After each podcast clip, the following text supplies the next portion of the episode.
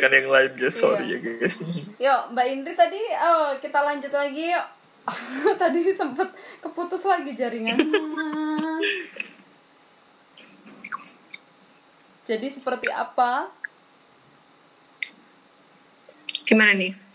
gimana nih Seperti apa? Tadi ceritanya gimana sampai apa? Bapaknya harus ikut eh Mm-mm. Tapi mm, what I'm proud uh, what I'm proud of adalah bapakku tuh tetap bisa adjust gitu loh apa namanya Uh, meskipun awalnya bingung ini cara pakainya gimana lalalala gitu. Tapi karena ya emang itu ke sebuah keharusan ya kita untuk beradaptasi gitu kan dengan teknologi ya akhirnya ya bisa kayak gitu. Hmm, jadi yang akhirnya aku tangkap adalah oh dengan apa ya situasi mendesak ini tuh semakin membuat kita tuh punya skill untuk eh, beradaptasi gitu loh. betul betul. Mau nggak mau harus mau eh mau nggak mau harus bisa kayak gitu loh. Mm-mm. Gitu. Yes. Gitu. Ya emang bener banget. Jadi memang kita eh, di situasi pandemi ini berarti selain kita itu apa namanya harus tetap aware, kita harus juga mengantisipasi si virus ini.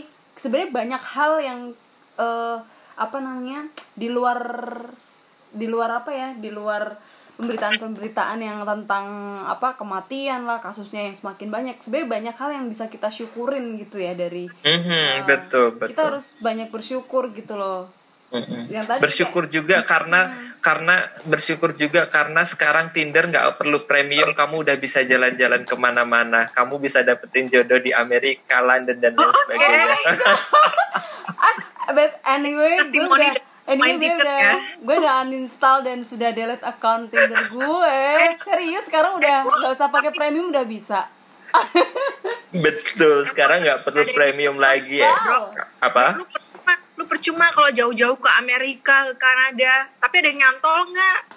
eh udah. Eh bentar bentar. Kalau punya nyantol juga aduh. Gue nggak bisa ya, ngomongnya. gue nggak bisa Oh, serius ngomongnya. nih. Sekarang berarti jadi Tinder udah apa borderless ya? Udah nggak yes jadi ada fitur pasport yang kamu bisa jalan-jalan ke mana aja. Hmm, tapi harus nginput paspor nggak? Enggak kan? Enggak enggak enggak enggak, enggak. wow Wah menarik sekali ini info yang sangat berfaedah nih terakhir. Jadi yang harus kita syukurin adalah kita yang harus disyukurin adalah bentar lagi Ayu Nah. pasti install Tinder lagi Nah, gini, itu untuk teman-teman kita yang mungkin merasa kesepian di masa self quarantine-nya. Jadi lumayan kan Tinder bisa bisa dimanfaatkan. Oh ya, kalau aku aku sedikit mau cerita nih. Kalau tadi kan kalian sharing apa ya yang WFO terus yang dari yang di rumah gimana gitu kan. Nah, aku sekarang selama WFH ini aku tuh kayak menemukan diri aku yang isi aku yang lain gitu loh. Kayak selama ini kan aku merasa diri aku tuh ekstrovert, terus kayak yang aku orangnya yang sosial banget, harus bergaul, harus keluar gitu kan. Nah, selama self quarantine ini tuh aku kayak belajar memahami diriku sendiri. Ternyata menjadi makhluk soliter itu eh, enak juga gitu loh.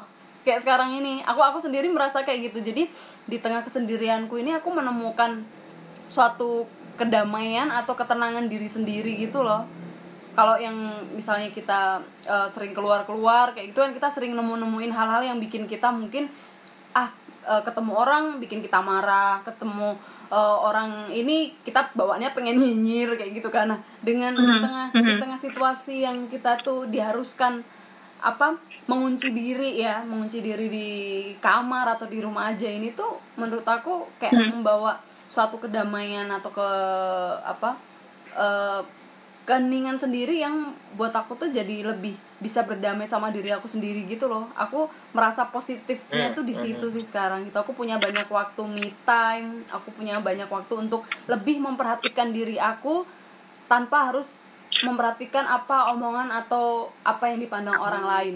Itu itu itu salah satu yang jadi pelajaran buat aku selama self karantin ini sih Mhm. Iya. Jadi semua itu memang membawa eh, manfaatnya masing-masing ya ke setiap pribadi. Mm-mm, mm-mm, bener banget betul banget Dan kita juga nggak tahu pol, uh, pola perubahan ini tuh sampai kapan. Eh maksudnya uh, kondisi ini tuh sampai kapan sampai membawa pola perubahan yang lebih besar lagi nantinya. Pasti bakal ada pro- pola perubahan lagi yang lebih besar dibanding Hmm. ini gitu. tapi Iya, tapi betul. at least sekarang di masyarakat kayak yang bener-bener nyata kelihatan apa ya perubahan atau dampaknya ya salah satunya tadi nggak sih yang soal apa namanya awareness sama orang itu lebih sadar buat hidup sehat buat memperhatikan kebersihan itu Hmm, hmm, hmm. Itu itu hal yang sangat baik sih. Itu hal yang sangat baik. Mm-mm, itu sih lingkungan juga jadi lebih baik lagi sebenarnya ya kan Eh, apa namanya eh, langit Jakarta menjadi biru bukan begitu Mbak Ayu betul Dan, itu kita harus ya. bersyukurnya itu tadi apa namanya sekarang katanya kan lapisan ozonnya udah mulai kelihatan terus iya betul Jakarta yang cerah seperti masa depan kita semua ya Amin. Amin. Cuman tapi bener loh Iya. kata-kata bener kata eh, ilmuwan-ilmuwan itu lapisan ozon kita itu membaik yang ada bolong-bolong tuh udah mulai menutup lagi kayak gitu betul Cuman di satu sisi ini ya, jangan lupakan kita tetap mengecam ini ya, maksudnya adanya penyakit ini, maksudnya betul eh, pasti sedih dong ya orang-orang yang kehilangan keluarganya karena menjadi korban eh, COVID-19 kayak gitu. Cuman ya eh, kita tetap harus bisa mencari the bright side of everything, right? Gitu Betul, salah betul. satunya dengan ini. Mm-mm. betul betul Sebenarnya betul, betul. Pak yang kita takutin itu bukan orangnya yang ODP atau PDP-nya gitu tapi yang harus kita takutin dan kita apa waspadain adalah virusnya gitu. Jadi kayak orang-orang mungkin yang kan kemarin banyak kayak yang case-case apa penolakan jenazah ini dikubur di sini nggak boleh ini ini. Itu kan sebenarnya sudah itu menggerus jiwa kemanusiaan kita nggak sih? Kayak Eh, aku lihat beritanya sedih sih gitu. Kayak kemarin ada kan di mana di Pont eh bukan di Pontianak. Di mana ya? Pokoknya ada aku baca berita tuh. Di Jawa Tengah, di Jawa Tengah ada itu di yuk. Jawa Tengah banyak banget Enggak, kemarin Iya, ada banyak banget. Iya, enggak. Nah, ini aku tuh kemarin ada baca berita. Jadi ada satu orang Katolik gitu kan dia meninggal. Nah, eh, saking takutnya dengan corona ini, dia akhirnya meninggal itu eh, misa arwahnya itu cuman dihadirin sama keluarganya yang empat atau lima orang sama si pastornya doang. Dan di situ pastornya tuh dia sampai nangis gitu loh sampai ya masa orang meninggal sampai yang misain aja cuman dikit kayak gini gitu. Dia sampai si pasturnya tuh sampai nangis di depan jenazahnya itu gitu. Jadi kayak Iya. aku paling aku tuh paling ini sih paling sedih ketika lihat-lihat berita yang orang-orang itu meninggal tuh nggak boleh keluarganya melayat banyak-banyak kayak gitu-gitu loh. Itu kayak ini banget bener bener bener bahkan temanku yang nikahan aja dibatalin coba jadi kayak Iya. banyak banget ya sekarang yang nikah pada dibatalin pada diundur gitu berdampak Yes. Iya benar. Karena serba salah sih. Sem- iya eh, ada bener. juga jalan sih karena serba salah. Kadang vendor nggak mau ngerifa di refund kayak gitu, nggak mau Iya. digeser. Ya, betul gitu kan. itu itu yang aku alamin jadi kan aku lagi jadi ketua apa outing perusahaan ya outing departemen gitu ya kayak Mhm. gitu mereka nggak mau rugi juga Iya. Betul. Hmm. Oke. Kayaknya nih kita sudah di penghujung podcast kita hari ini. Aduh banyak ini ya padahal masih banyak banget yang mau diobrolin ya bawain. Intinya sih Sampai kita malam nih. intinya apa ya? Kita tuh harus banyak-banyak bersyukur memang di saat kondisi-kondisi ini, apa pun kondisi kita, ya nggak sih? Karena ini tuh kondisi di mana kita eh, tepat banget melakukan introspeksi diri Hmm. Dan ini momennya udah mau mendekati Ramadan ya minggu depan ya. Hari Betul betul. ya, ya minggu Gils, depan Maraban minggu ya Ramadan ya teman-teman Allah. semua. semuanya bakal berbeda Ramadan tahun ini nggak jadi masalah Iya, ya ibadah tarawih semuanya bisa di rumah aja kok. Semoga tidak mengurangi esensi dari Ramadan itu sendiri ya. Iya. betul betul betul Kita masih kok eh, kita terima apa? dan kita jalanin lah ya Iya, agama kita kan memberikan semua kemudahan gitu. Gitu. betul betul betul Kita bisa ibadah di rumah, tetap bisa tadarusan, bisa sholat tarawih di rumah, ya. Dan, dan mungkin satu hal lagi yang perlu ditekankan ya, Mhm. teman-teman yang ada di di mana pun kalian berada, yang teman-teman yang lagi dengerin podcastnya Ayu ini nanti, gitu ya. eh, kalau aku sih sebisa mungkin jangan mudik dulu lah, Nah, udah di tempat perantauannya masing-masing dulu aja. Toh Betul. ini juga demi kebaikan bersama gitu kan. Belum tentu kita kita yang sehat, eh, lingkungan di tempat kita yang eh, apa namanya yang yang kurang kurang kurang apa ya kurang beruntung juga. Atau bisa jadi kita carrier kita pembawa tapi kita tanpa gejala kita menulari eh, orang tua kita yang rentan usianya kayak gitu kan. Jadi cukuplah stay di tempat rantaunya masing-masing silaturahmi masih bisa jalan kok karena kan teknologi sekarang sudah canggih. Contoh Betul. kayak adanya zoom ini ada WhatsApp video call dan lain sebagainya. Esensinya masih sama walaupun secara fisik kita tidak bisa bertemu kayak gitu sih yes, betul sekali.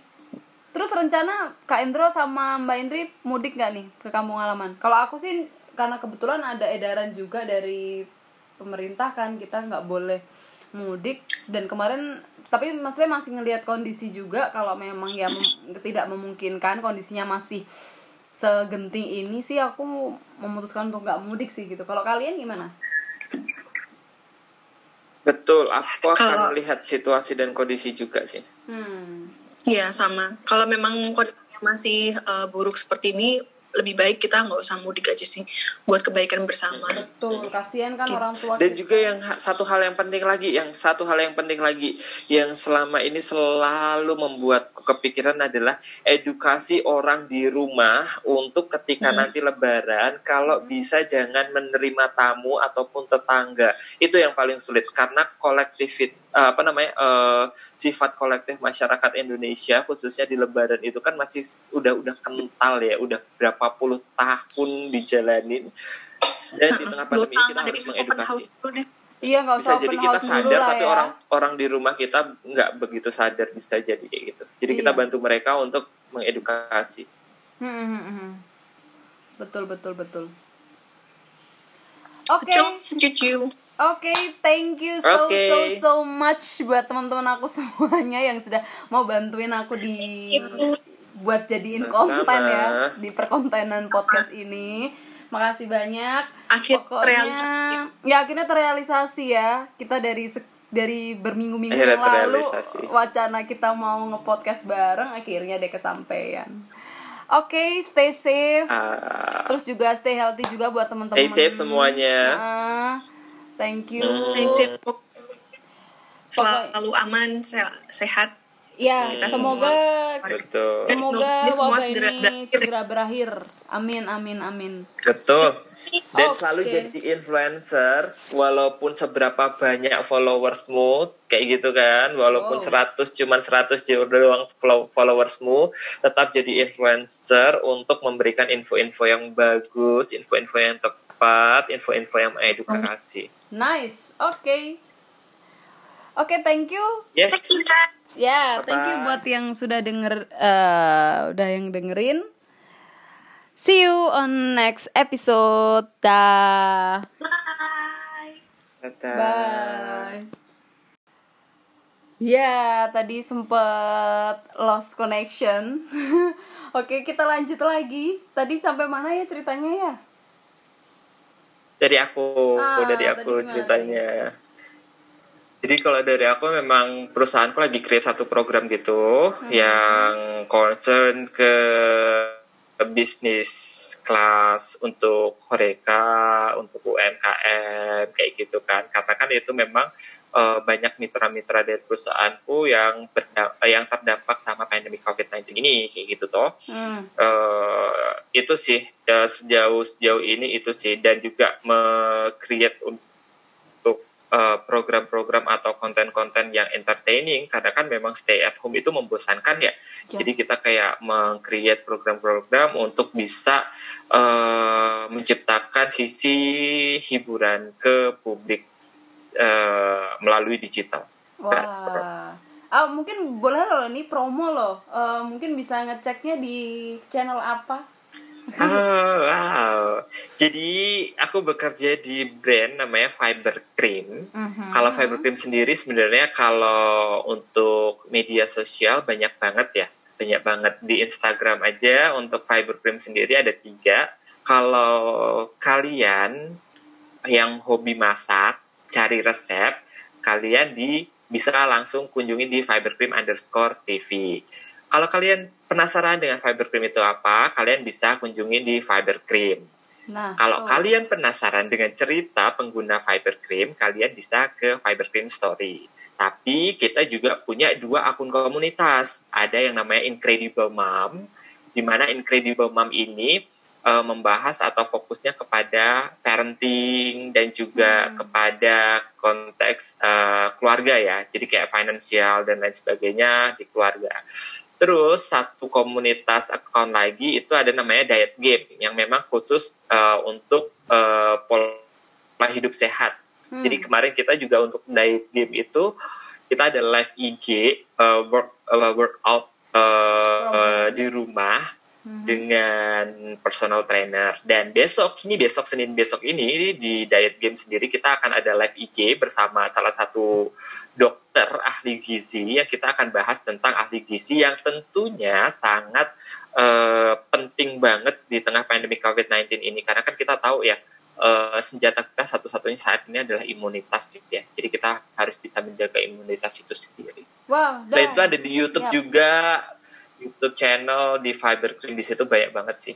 Kayak gitu. Ya, tuh bisa Kalau aku ya, sendiri sih, ya. aku, Hah? Mm-mm, kalau aku sendiri sih eh, lagi mengelola eh, Fiber Cream TV sama YouTube Fiber Cream. Sisanya ada bagian kreatif lainnya. Wow, berarti konten-konten yang menarik dan keren itu di balik tangan dan di balik layarnya seorang Hendro ya. Dan Ah, tim. tidak di eh, kerjasama dengan anggota lainnya sih. Iya. Oke.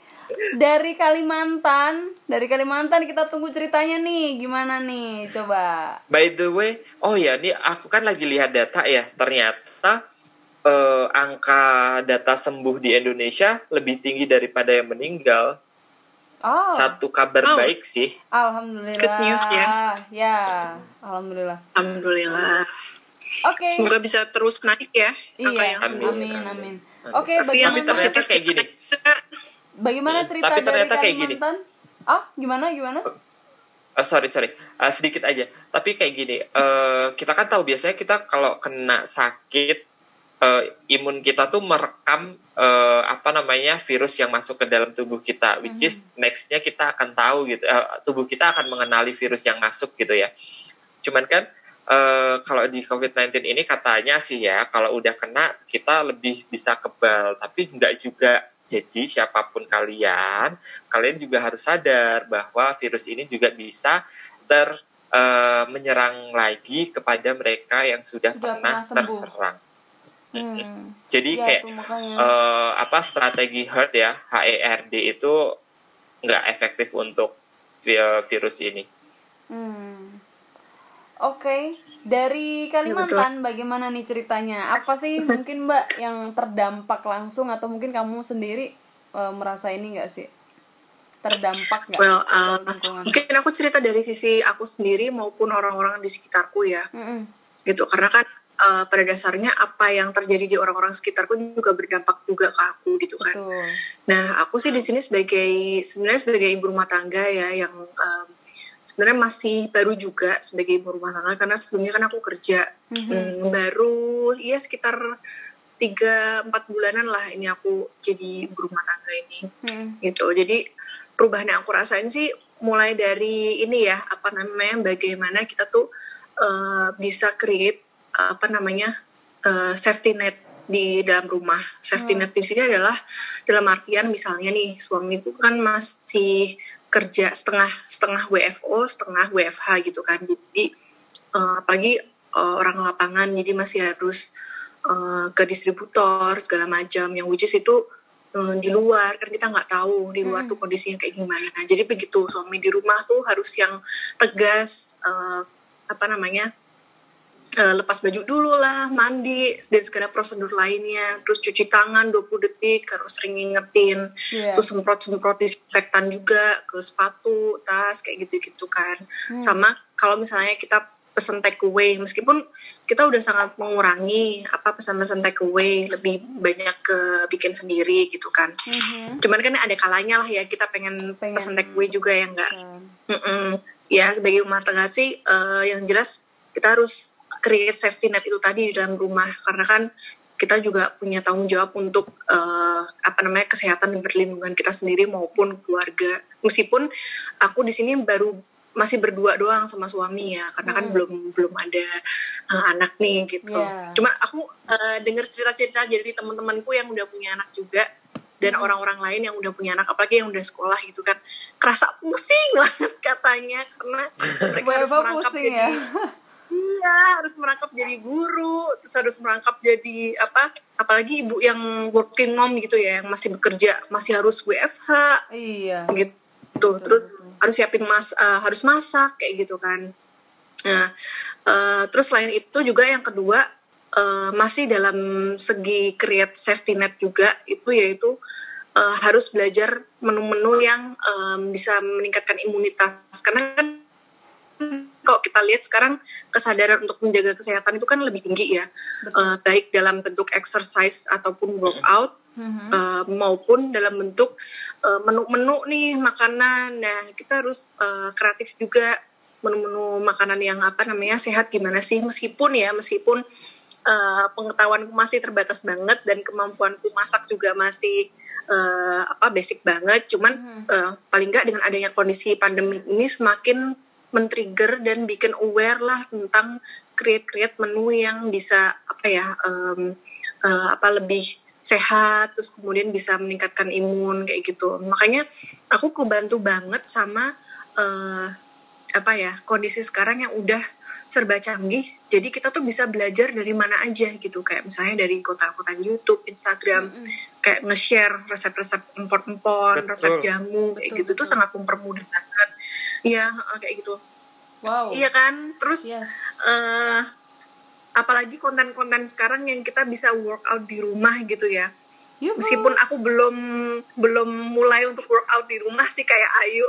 Ya. Yeah. Cuman sekarang tuh platformnya banyak banget gitu loh. Platformnya mulai dari uh, kamu kan ikut kelas uh, Zoom ya sama train sama trainermu ya Ayu ya. Iya, jadi aku ada sama coach aku ada, terus aku ikut yang berbayar dari salah satu studio uh, apa? Studio fitness gitu juga ada juga terus kalau misalnya enggak aku pun juga latihan sendiri di rumah sih dari channel-channel YouTube gitu itu bener-bener ngebantu sih kayak 30 menit 45 menit tuh udah lumayan lah pokoknya karena apa ya badan tuh capek lumayan. badan iya. sakit gitu kalau nggak digerakin asli.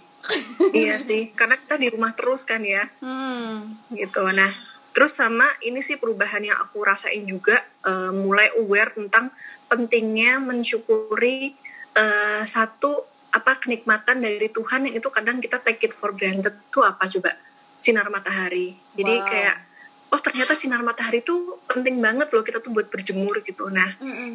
akhirnya uh, beberapa hari ini uh, apa namanya biasanya kok aku sambil jemur baju gitu ya. Mm -mm itu sambil aku berjemur juga gitu uh. maksudnya yang tadinya aku tuh nggak aware tentang pentingnya berjemur hal yang remeh banget sebenarnya yuk tapi yeah. ternyata manfaatnya tuh luar biasa kayak gitu loh uh -uh. Tapi nah harapannya juga. sih ya setelah mm harapannya setelah pandemi ini berakhir kebiasaan-kebiasaan sehat itu tuh nggak kita tinggalin Masih terus berlangsung ya iya betul jadi gitu. nggak ini ya Dan, apa jadi jangan cuman saat momen kayak gini doang kita tuh ini apa namanya hidup sehat makan sehat olahraga sehat. gitu. Harusnya itu sudah menjadi satu habit kita setiap hari gitu nggak sih?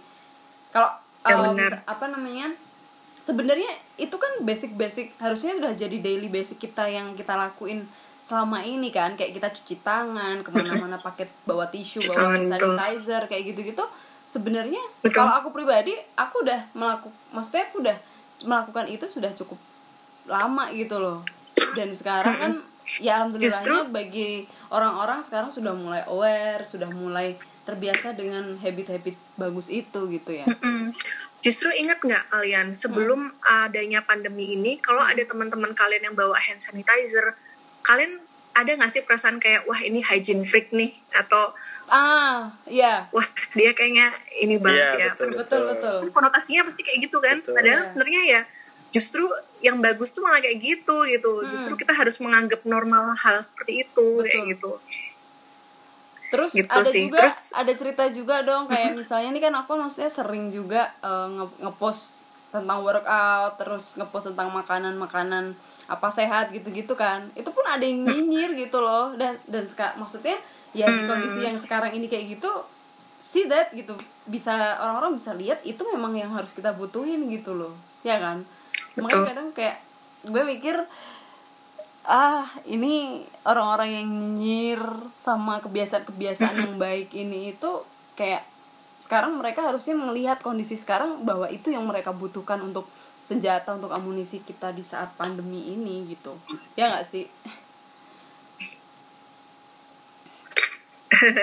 Nah, terus eh, kan kerasa banget ya karena suami itu apa sering juga WFH Hmm. sering banget ma apa harus sering masakan. Cuman kadang-kadang ada kalanya aku juga kadang mut-mutan gitu loh, nggak lagi nggak pengen masak gitu. Nah untungnya suami ini sigap membantu wah gitu. Jadi mungkin ya buat apa eh, eh, ibu-ibu lain kayak gitu ya pasti ada lah perasaan capek kayak gitu ngurus rumah segala macam iya apalagi keluarga juga masih di rumah kan nah kalau sekiranya yang lain pun bisa membantu itu akan sangat berarti sekali sih sebenarnya. Iya iya iya. Apalagi Gitu. yang apa wanita-wanita terus karir ya? eh, yang wanita-wanita karir yang Iya, apalagi karir juga- yang harus WFH Ya, apalagi terus yang- jadi guru anaknya betul. harus masakin suaminya bersih-bersih rumah juga. Wow itu iya benar. hero sih. Hero di rumah sih kalau bisa kayak gitu. Keren banget.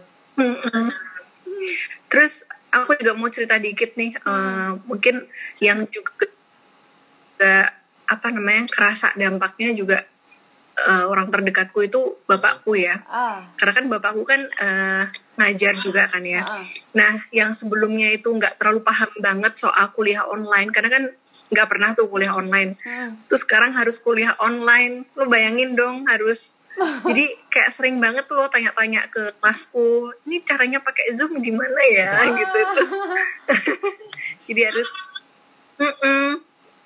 ini ya dipaksa untuk itu tadi melek teknologi dan digital kita jadinya. Ya kan? Dari semua kalangan.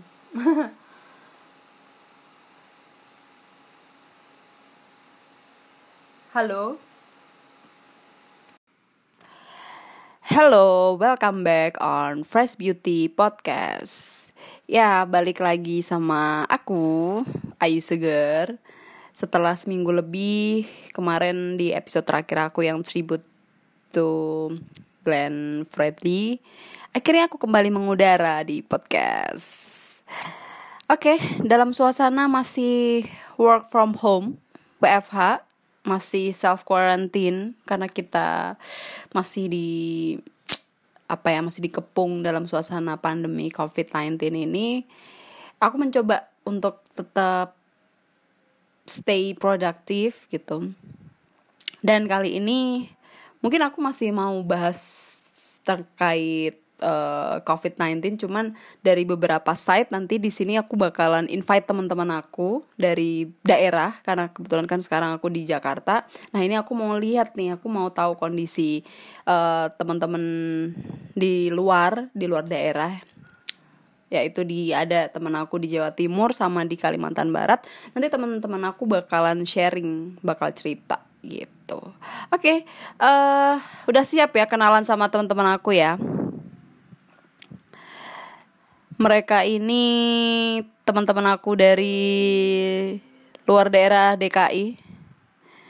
Oke, aku kenalin dulu deh. Ini aku kenalin Halo, selamat sore. Hai, selamat sore. Halo. Yeay. lama nggak bercerita Ini ada dua Lama teman banget aku ya nggak yang- ngobrol bareng. Ya. ada dua teman aku yang bakalan ikut mengudara di podcast. Oke, kita shout out dulu tuh buat dari yang paling jauh dari Kalimantan Barat. Halo. Kenalin dong, Indri. Indri, Udah- udah ini sih, 23 tahun, sebulan. Kalimantan Barat, gitu, Indri. Siapa siapa yang dari Miss Kalimantan Barat siapa? Nih.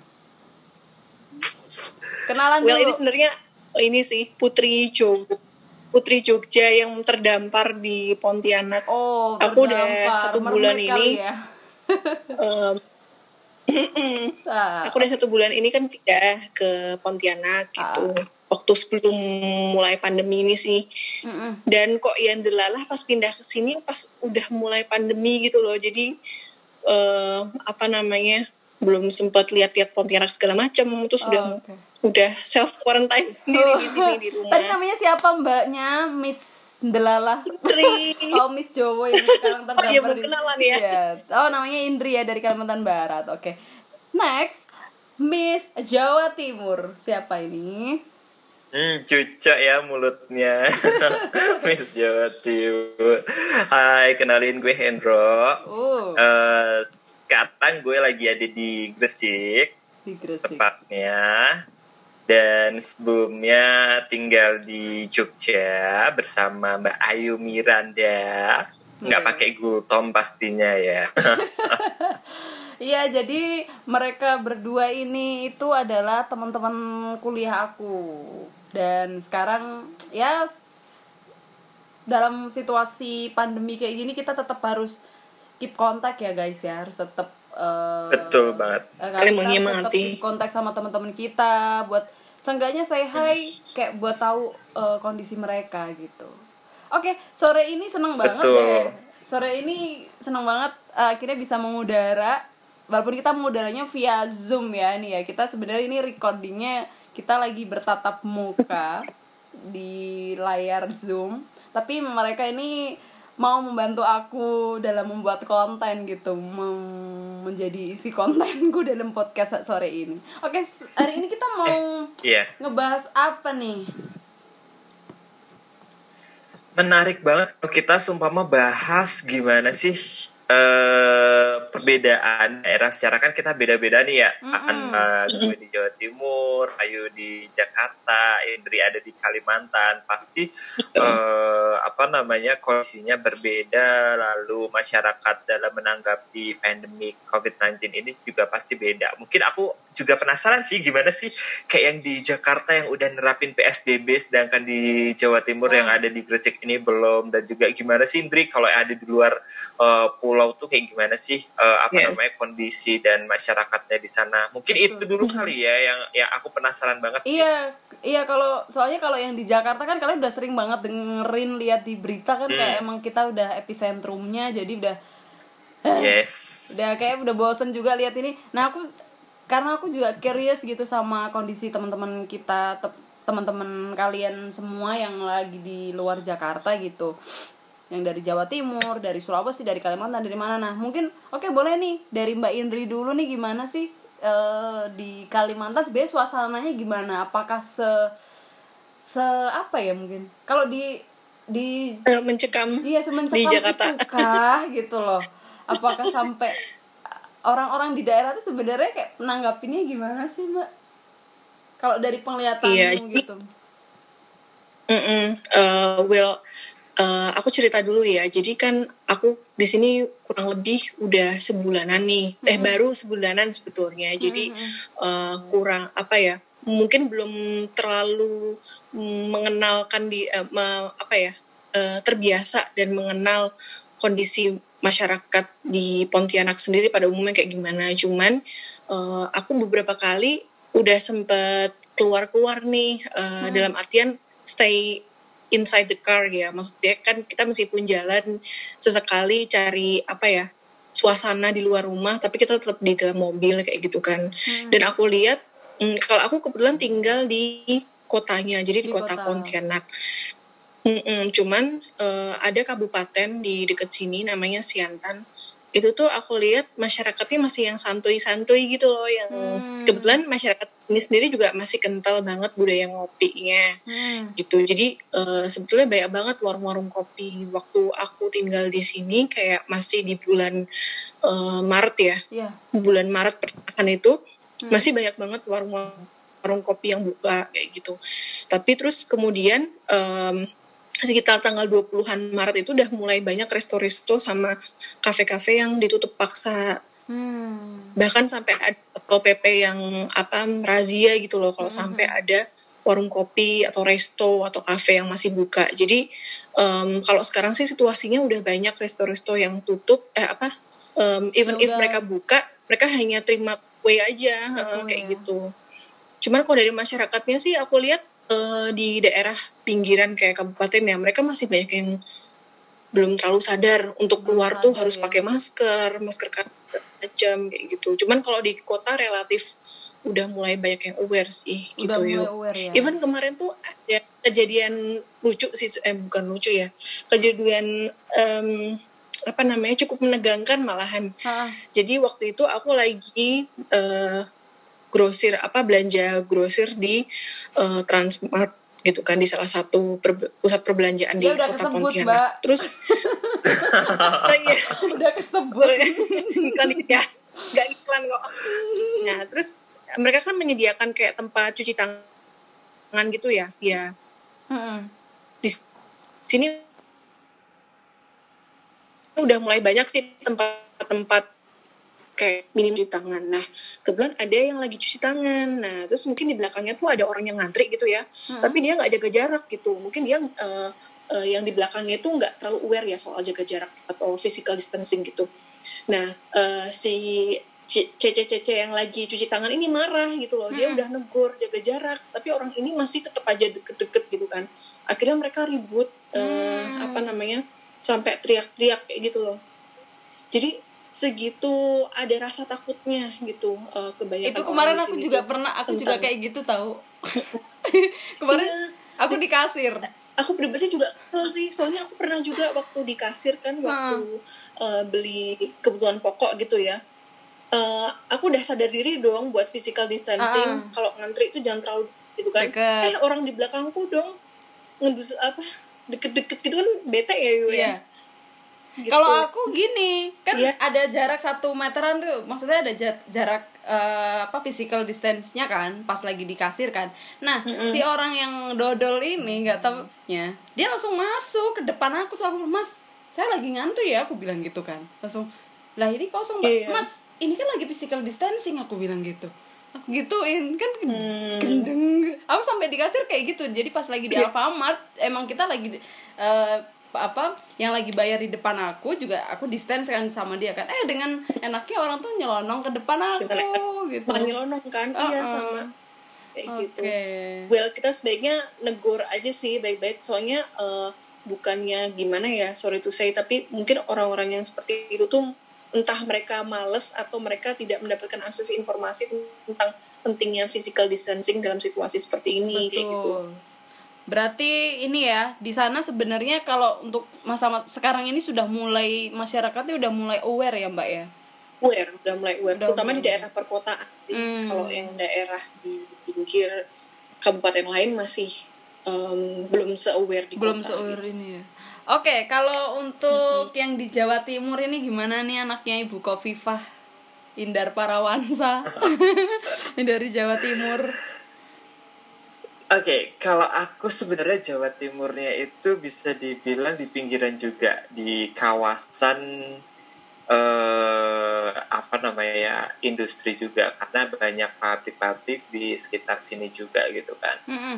Hmm, kalau yang aku rasain dan aku amatin selama aku di sini satu tahun ya, oh, bukan satu tahun ya, di di tengah di tengah pandemi COVID-19 ini, Mm-mm. eh aku ngerasa masyarakatnya itu masih kayak mereka tuh sebenarnya sudah tahu gitu kan. Mereka tuh sebenarnya sudah tahu. Cuman rasa mereka untuk peduli akan pengetahuan mereka tentang COVID-19 ini itu terbilang kayak yang cukup rendah gitu. Hmm. itu di awal tetapi uh, seiring berjalannya waktu, data-data apa namanya kasus positif dibuka dan lain sebagainya, hmm. akhirnya masyarakat pun uh, juga punya rasa ketakutan tersendiri gitu kan, hmm. dan akhirnya mereka sudah mulai peduli gitu. Itu aku bisa lihat dari uh, apa namanya uh, perilaku mereka khususnya uh, apa namanya penggiat usaha yang sudah menyediakan tempat cuci tangan di yeah. depan toko mereka masing-masing bahkan kayak toko kelontong pun itu mereka sudah kayak nyediain tempat cuci tangan sabun habis itu uh, benar-benar dikasih kayak apa namanya pemberitahuan yang besar bahwa wajib cuci tangan sebelum masuk toko dan lain sebagainya kayak kayak gitu hmm. terus ketika aku karena aku WFO ya jadi aku bukan WFH Wey. ketika aku berangkat kerja kerja pagi pun aku juga sudah melihat orang itu sudah banyak banget yang menggunakan masker. Hmm. Jadi dari sisi itu aku bisa melihat mereka sudah sadar. Tapi sama halnya dengan Indri dalam konteks physical distancing contohnya kayak ketika antri di kasir atau antri untuk ambil uang di mesin ATM mm -hmm. itu mereka kurang aware mereka kurang oh, mereka kurang peduli Uh, kasusnya sama kayak Ayu, aku pernah ngalamin juga. Biasanya kan di minimarket itu sudah dikasih pembatas hitam ya, kayak selatip hitam iya, gitu ya per meternya kayak gitu ya. Aku udah berdiri gitu, aku udah uh, uh, betul, aku sudah berdiri di uh, pembatas itu. Tiba-tiba ada nyelonong lah seorang bapak-bapak di depanku. Nah pas posisi itu ada bapak-bapak juga di depanku yang lagi bayar. Nah, karena aku nggak tahu gitu kan, ya udah aku biarin. Uh, dalam persepsiku bahwa oh mungkin itu temannya si bapak ini yang nitip uh, belanjaan supaya bayarnya lebih cepat biasalah ya kayak kita biasanya gitu ya. Mm -hmm. Tapi ternyata setelah bapak yang belanja ini pergi, bapak itu tuh baru mau uh, ngebayar gitu gitu kan. Nah, which is dari situ aku tahu dong, oh bapak ini ternyata tadi tuh nyerobot selononganku gitu. Hmm. Tapi uh, mbaknya itu kayak yang mempersilahkan aku untuk Pak maaf masnya dulu ya Bapak silakan ke belakang kayak kayak gitu hmm. gitu kan jadi dengan tegas Mbak kasirnya tuh bilang kayak gitu kayak gitu sih jadi dalam konteks uh, apa namanya kesadaran sudah sadar masker mereka sudah pakai masker hmm. terus penyediaan uh, tempat cuci tangan uh, aku lihat banyak yang sudah menyediakan itu di depan toko bahkan kayak di warung-warung kecil mereka sudah ada gitu kan Terus tapi dalam konteks physical distancing aku melihat masih kurang. Hmm. Dan uh, stay at home juga masih kurang karena Betul. di sini tuh masih kayak yang lalu lalang, masih rame. Warung kopi pun juga masih dipenuhi sama orang. Terus aku paling nggak suka ketika aku pernah belanja kayak gitu kan. Hmm. Uh, ada satu customer bilang lo, Mas kok nggak pakai masker? Kayak hmm. gitu kan. Hmm. Tapi si mas-mas ini, si karyawan si toko ini dia bilang, "Alah, opo sih corona iki mati lah, yo mati." Kan wis ono sing ngurus. Nah, persepsi-persepsi inilah yang sebenarnya menurutku uh, salah kaprah sih. Jadi mereka ya ya seperti aku bilang di awal, mereka aware tapi mereka nggak peduli gitu. Hmm. Tapi ke, ketidakpedulian mereka itu berimbas pada orang lain. Orang lain. Kalau COVID-19 ini menjangkitnya tidak melalui droplet dan lain sebagainya atau kayak contohnya HIV mereka harus uh, apa namanya Ada kayak contoh berhubungan badan dan lain sebagainya itu nggak masalah ya karena itu yang menanggung mereka sendiri. Tapi kan dengan interaksi kita secara tatap muka kita bisa sangat mudah men, uh, terjangkit sama COVID-19 itu sendiri. Itu sih kalau hmm. aku. Betul betul betul. Iya dan dan gini gini gini gini. Satu lagi. Hmm. satu lagi. Uh, di tempatku itu kan kayak uh, bisa dibilang kayak kecamatan gitu ya hmm. namanya Driorejo gitu ya ya bisa dibilang kecamatan ya, ya sih ya kecamatan lah, Driorejo ya. gitu uh, di tempatku itu tuh yang positif tuh udah ada dua gitu hmm. ada ada dua orang satu itu posisinya ada di uh, daerah tempat kosku satu posisinya hmm. itu ada oh. di daerah kantorku. Jadi lu bisa bayangin dong antara kantor dan kos ada satu uh, orang yang udah positif. Tapi Hmm. untungnya serem. yang di tempatku itu dia sudah sembuh, dia sudah dinyatakan negatif. Tapi kan Hmm, kita nggak tahu nih selama se- eh, sebelum dia dirawat, eh, dia sudah berinteraksi dengan siapa saja di sekitaran eh, lingkungannya atau dia sudah ke mana saja kayak gitu sih. Hmm, Oke oke oke. Iya jadi emang gemes banget gak sih di di deket apa kosan aku di kayak komplek di gang deket kosan aku tuh juga kayak gitu gitu. Ada jadi ada satu gang gitu kan di situ emang sore sore itu anak-anak ibu-ibu tuh masih pada suka nongkrong di situ sore sore bapak-bapak Betul, itu pak betul. masih pada nongkrong di pinggir gang gitu loh. Terus habis itu Betul, kemarin betul. juga aku dapat cerita dari salah seorang apa kayak security gitu kan disuruh jagain gitu kan. Ada bapak-bapak nggak pakai masker itu dikasih tahu kan pak eh, dipakai pak maskernya pak. Sekarang himbauannya memang harus pakai masker gitu kan. Eh dia nyolot bapaknya. Nyolotnya tuh dia bilang gini eh nanti saya sakit saya apa? Itu urusan saya ya bukan urusanmu. Hidup hidup saya kok lu yang ngatur. Digituin coba kan kayak aduh Nah itu dia Orang makanya orang tuh se- bebel. orang tuh sebenarnya udah tahu tapi orang nggak peduli gitu ketidakpedulian terhadap diri mereka malah membahayakan orang lain Betul. apalagi itu bapak-bapak Jadi tua kesannya gitu loh. egois ya. iya bapak itu padahal bapak-bapak tua gitu loh kan maksudnya rentan kan kalau usia-usia yang Hmm. udah tua kan nah itu dia tuh dikasih tahu sama security security tuh malah kayak gitu gitu betul betul, Jadi betul banget di Pontianak tuh malah ada kan kemarin kasusnya eh, itu sekitar akhir Maret ya. ya. Jadi kan ada eh, satu apa namanya satu orang itu dia sakit. Mm-mm. Nah sebenarnya dia udah ada tanda-tanda corona, cuman eh, ketika dites itu memang hasilnya belum keluar. Heeh. Nah di saat hasilnya belum keluar, beliau ini udah keburu meninggal kayak gitu kan. Keburu meninggal, nah keluarganya tuh ngadain kayak pemakaman gitu. Mm-mm. Terus ada sekitar 26 pelayat gitu pokoknya. Ya kayak pemakaman pada umumnya lah Nah, yang belum gitu kan. Eh COVID pas ya. udah Iya, nah terus pas hari setelah pemakaman itu hasil tes keluar dong ternyata positif. Oh. Langsung tuh 26 26 orang pelayatnya langsung jadi ODP. Ah, serem tapi kasus itu juga terjadi di kasus itu juga terjadi waktu eh, di di daerah Magetan Dri.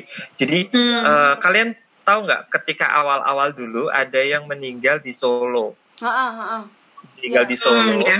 orang Magetan meninggal di Solo which is dia eh, belum tahu itu positif atau enggak dibawalah pulang ke Magetan Magetan. ceritanya dibawalah pulang dengan di Magetan dia tahu sendiri dong eh, apa namanya prosesi pemakaman di Indonesia dengan kayak tradisi ini tradisi itu orang berdatangan dan lain sebagainya gitu kan Iya. Nah, ketika sudah dimakamkan dan beberapa waktu berselang, ternyata barulah keluar eh, bahwa si bapak ini ternyata positif COVID-19.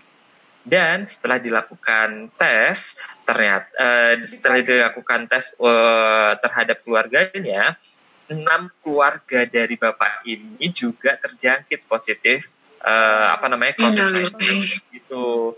Nah, aku nggak tahu ya mungkin karena rumah sakit di Magetan itu kurang mumpunin atau tidak menjadi satu rujukan mereka dirujuklah ke Madiun. Jadi kayak yang di Madiun tuh ada 8 kasus positif COVID-19 enam di antaranya satu keluarga dari Magetan itu dan dua di antaranya itu eh, apa namanya masyarakat dari Nganjuk Nganjuk kalau nggak ngawi lupa daerah situ di daerah sekitar jadi kalau sebenarnya kalau dari Madiunnya sendiri belum ada tapi kalau dari eh, apa namanya daerah penyokong lainnya itu masuknya di Madiun. Hmm. Wow, Kayak sedih banget gitu. ya. Eh justru ada yang kebalikannya. Mm-mm. Tadi aku baca malah ada yang kebalikannya. Jadi eh, dia dimakamin sesuai dengan proses Prosedur COVID, COVID-19 kan. tapi ternyata pas hasil tes Hasilnya negatif dong. negatif. Ya itu Negatif. malah nggak apa-apa Mungkin karena kan kan ini ya. mitigasi kan gitu loh. Untuk mitigasi ya is okay. Mm-mm. Mungkin karena iya benar sih, mungkin karena preventif ya, karena kan kita nggak tahu ya sekarang Preventif, sekarang eh, kondisinya lagi kayak semua tuh hal tidak pasti. Hmm. Iya, tapi memang lebih baik lebih baik nge-prevent sih betul daripada Betul. udah Mhm. kejadian. Dan aku juga sangat menyayangkan adanya kebijakan pembebasan napi sih. Ngomong-ngomong masalah itu Betul. aku ada cerita. Oh, oke kita ini ya kita eh pembahasannya Bergeser ya. Ini lagi. Oke, oke nggak apa-apa. Ah, gimana gimana? Oke, gimana? jadi kan kita tahu lah ya eh, isu isu tentang pembebasan narapidana dengan alih-alih supaya penyebaran COVID-19 ini tidak masif eh, di rutan. Hmm. Tapi di satu sisi itu menjadi bumerang bagi pihak keamanan pemerintah dan menjadi satu momok bagi masyarakat secara luas Hmm. dengan adanya pembebasan eh, apa namanya napi atau narapidana di tengah pandemi COVID-19 ini pasti faktor faktor kejahatan itu bermuncul dengan contoh misal ketika pasti satu mereka nggak punya pekerjaan. Hmm. kedua ekonomi eh, kondisi ekonomi saat ini menjadi susah. Akhirnya angka kriminal kriminalitas tinggi gitu kan. Eh beberapa hari yang lalu atau beberapa minggu yang lalu eh, kasus-kasus pencurian motor kasus-kasus pencurian eh, peliharaan ya burung peliharaan kayak gitu itu marak banget terjadi di sekitar eh, tempat tinggalku. Lalu sekitar beberapa hari yang lalu beberapa hari yang lalu itu minggu kemarin ah ming, ya minggu kemarin eh ada empat pencuri nyatronin eh, kosanku. Itu terlihat dari rekaman CCTV Serem dari keempat mereka Ya keempat pencuri ini eh, mereka berhasil ambil satu motor di lantai dua Gimana terus, ya? eh, Ambil motor. mereka ambil juga eh, sendal teman kosku. Jadi kayak ditukar sendal gitu loh. Sendal Hmm. teman kosku ditukar sendal buluk gitu ambil satu motor di lantai dua. Setelah ambil satu motor di lantai dua mereka rencana kayak mau ambil motor di lantai satu gitu. Tapi pas mau ambil eh, motor di lantai satu ini aku nggak tahu cerita detailnya seperti apa mereka tuh nggak jadi. Kelihatannya mereka kayak ada tahu ada yang belum tidur gitu kan di lantai satu. Akhirnya mereka kabur lah itu. Jadi eh ya itu tadi aku bilang gitu kan. Kebijakan itu sebenarnya kebijakan yang menurutku sangat-sangat tidak tepat karena eh, memicu krimin angka kriminalitas yang semakin tinggi di tengah eh, pandemi COVID-19 seperti itu. Setelah itu beberapa hari kemudian muncullah banyak sekali laporan-laporan tentang eh, pencurian motor eh, dan lain sebagainya di sekitar eh, apa namanya kawasan kawasan ini di kawasanku ini kayak kayak gitu sih. Iya, jadi Itu sih. ini ya, apa namanya eh, kebijakannya mungkin dirasanya kurang tepat ya karena di saat kondisi ekonomi lagi lemah, otomatis si napi-napi ini kan dia keluar tanpa ada apa ya, tanpa ada skill Bekal. atau ta- atau pengalaman kerja gitu kan dan nggak mungkin dia gampang Betul. cari kerjaan kan orang eh, Betul, perusahaan-perusahaan atau usaha aja lagi banyak pada apa PHK pada ngerumahin pegawai kan nggak mungkin dia keluar dari eh, ini dari rutan, Rutan. langsung dia punya kerjaan kan mustahil gitu Betul betul betul banget betul banget makanya Jadi aku kurang nggak habis pikir gitu. sih. Nambah masalah Jadi social problemnya itu malah bertambah sih. Kayak gitu. betul betul. Betul Dan itu benar-benar terjadi dan itu terekam bener-bener di CCTV itu terekam terus di share gitu. wow. Tapi ternyata di ini luar nggak, sana eh, ya, serem. ada ada informasi nggak? Apakah pelaku itu eh, mereka udah pernah di mereka merupakan tahanan sebelumnya atau pernah Uh, di sampai penjara? detik ini sih belum ada karena memang belum belum tertangkap kelihatannya ya. Belum tertangkap si pelaku ini. Cuman uh, kemarin sempat ada yang share gitu di grup kosan gitu ada pelaku yang jaketnya itu mirip dengan uh, pelaku yang mencuri uh, burung peliharaan gitu Oh, jadi orang yang kayak kayak orang yang sama itu diduga orang yang sama. Hmm. Hmm.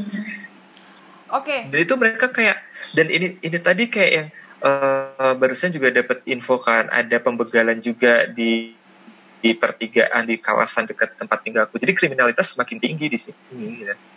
Aduh, Hendro, kamu harus stay safe ya di sana ya. Selain stay safe dari virus corona juga harus stay safe dari kriminal kriminal kriminal itu. Kriminalitas, ya, betul. Stay safe dan lindungi barang-barang. Iya. jangan sampai. Iya, iya karena aku ya.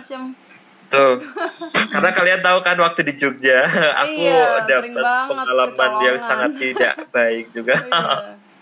Oke okay, guys, oke. Okay. Gitu Ternyata ini banget ya uh, cerita di luar Jakarta yang hingar-bingar dengan pemberitaan ini. Ternyata di luar sana banyak hal yang terjadi ya yang membuka yeah. mata dan pikiran kita gitu loh. Ternyata sampai kayak gitu problemnya gitu loh Wow.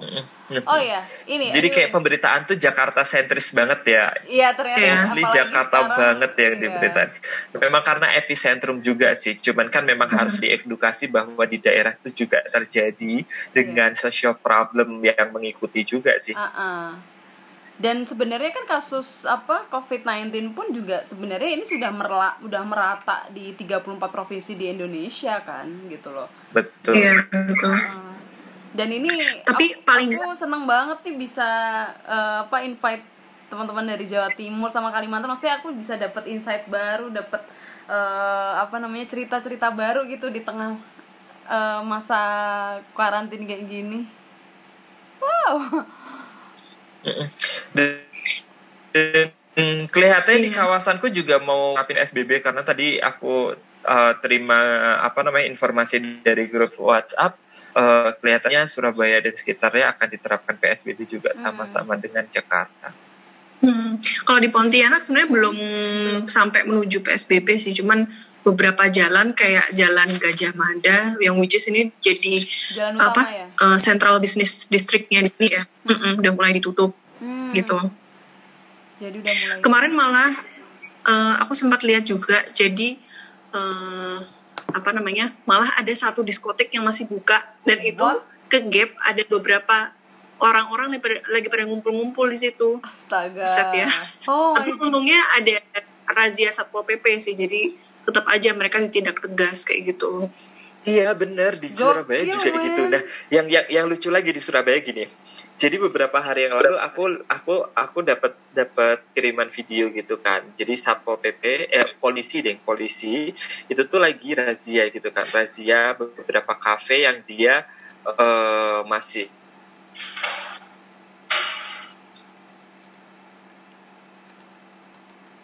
yang Halo. di razia itu dua-duanya itu ada yang positif uh, COVID-19 hasil oh. dari rapid test. Oh. Jadi yang di pertama itu kayak di warung kopi gitu uh, ada beberapa orang yang lagi nongkrong-nongkrong duduk gitu kan. Akhirnya seluruh pengunjungnya di rapid test. Dari oh. hasil rapid test yang mereka tunggu sekitar 30-an menit ya, sekitar segitulah ya, kurang lebih 30 oh. menit itu, ternyata ada satu orang yang positif COVID-19 Terus sisa lainnya lari dong langsung keluar dari warkop itu gitu kan. Padahal mereka harusnya aduh gimana ya mereka kan udah di situ udah berapa lama gitu bersama orang yang positif gitu gitu kan. Jadi lari melarikan diri nggak mau dites Dan gitu ya dia ya? Nggak mau dites. Enggak, enggak. Jadi setelah dites semua, Hah? udah tahu ada yang positif, terus mereka lari gitu semua gitu, keluar menghindar gitu aja gitu kan. Tapi untungnya langsung kayak yang dikumpulin lagi sama polisinya untuk disemprot desinfektan, terus habis itu disosialisasi untuk karantina mandiri selama 14 hari. Dan itu terjadi di dua lokasi. Jadi setiap satu lokasi itu ada satu yang positif. Hmm. Hmm. Gokil, man kayak gitu. sedih sih. Wow. Sedih.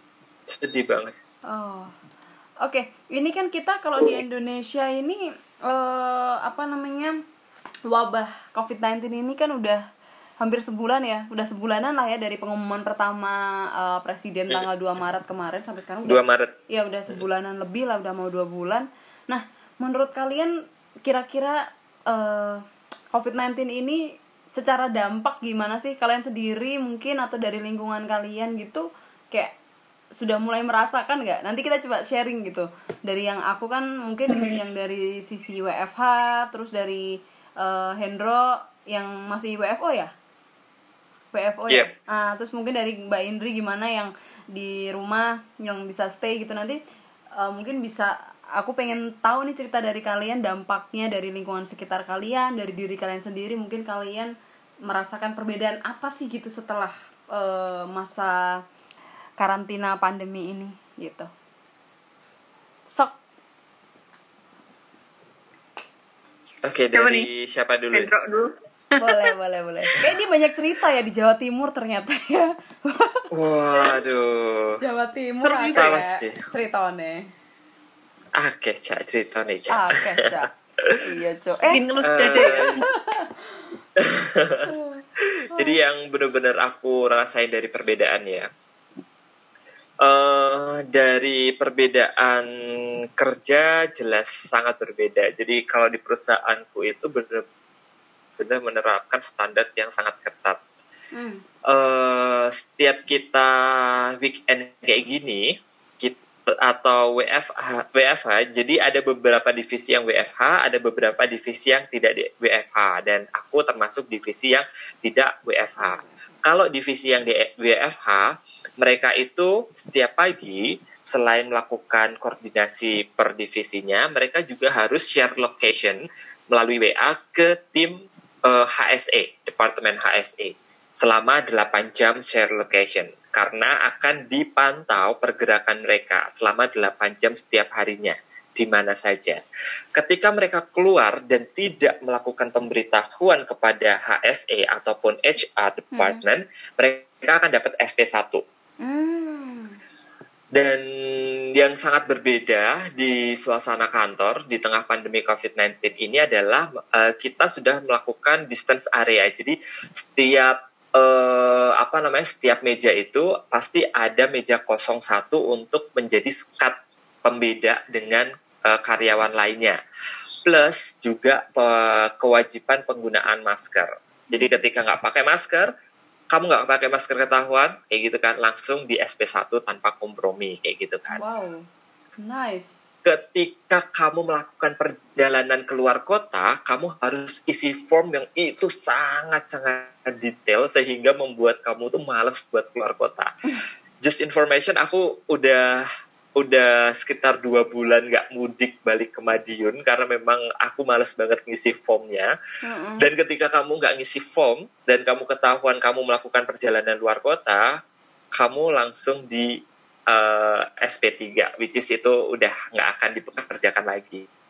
Hmm. Kayak gitu. Jadi itu perbedaannya seperti itu sih. Terus makan juga berbeda dan lain sebagainya. Terus yang berbeda lagi adalah eh, COVID-19 ini benar-benar berdampak pada dunia offline Hmm. sales penjualan secara eh, langsung itu sangat berbeda. Aku di perusahaanku ini aku ada di divisi digital marketing dan Mm-mm. juga media. Mm-mm. Jadi yang aku rasakan ketika pandemi COVID-19 ini pekerjaan di divisiku itu semakin berat karena tumpuan salesnya ada di digital saat ini ya mulai dari peningkatan awareness hingga menciptakan peluang-peluang eh, penjualan itu semua diserahkan ke divisi digital. Jadi sales eh, offline sales itu benar-benar yang eh, apa ya istilahnya Batas- aktivitasnya berkurang banget gitu. banget ya Da- Ya benar. Jadi kita dulu pakai SPG untuk membantu kita dalam penjualan produk. Sekarang Hmm. totally kita nggak ada SPG lagi untuk penjualan produk. Jadi produk itu benar-benar kita eh, pusatkan penjualannya itu di online. Walaupun memang di offline tetap jalan, cuman proporsinya pasti berubah ya dengan Hmm. adanya eh, pandemi COVID-19 ini kayak gitu sih. Terus inovasi-inovasi program-program atau activity digital itu eh, eh, juga terus diperbanyak. Contoh kayak penggunaan fitur live Instagram, kolaborasi-kolaborasi dengan public figure atau key opinion leader untuk sekaligus mengedukasi kepada publik tentang COVID-19 dan juga jadi ajang uh, peningkatan brand awareness serta penjualan di situ kita kayak gitu sih oh itu yang berbeda Yang untuk berbeda dari lagi. Wow berbeda sekali ini ya makin menantang ya sebenarnya ya kerjaannya ya jadinya ya kalau untuk bener jadi kayak sendiri. COVID-19 ini Hmm. tuh kayak memaksa kita yang belum siap dengan digital dipaksa untuk harus memanfaatkan digital sekarang Kayak harus gitu ke sih. apa kita harus memang benar-benar harus bisa adaptasi gitu nggak sih jadinya harus Betul, orang-orang yang belum betul, orang-orang betul. yang belum memanfaatkan digital emang ya sekarang kayak dipaksa lu harus nelen gitu lu harus nelen eh, apa semuanya eh, serba digital gitu Betul. Nah, kayak gini, eh, mungkin kalau dalam dalam dalam apa namanya dalam dalam lingkup kita, contoh aku, Ayu, Indri ataupun mereka yang punya literasi yang yang cukup oke dalam konteks digital, hal ini Hmm. tidak menjadi sebuah problem yang besar ya. Hmm, Tetapi kan banyak juga tuh UKM UKM di luar sana atau penggiat-penggiat usaha di luar sana yang dapat COVID yang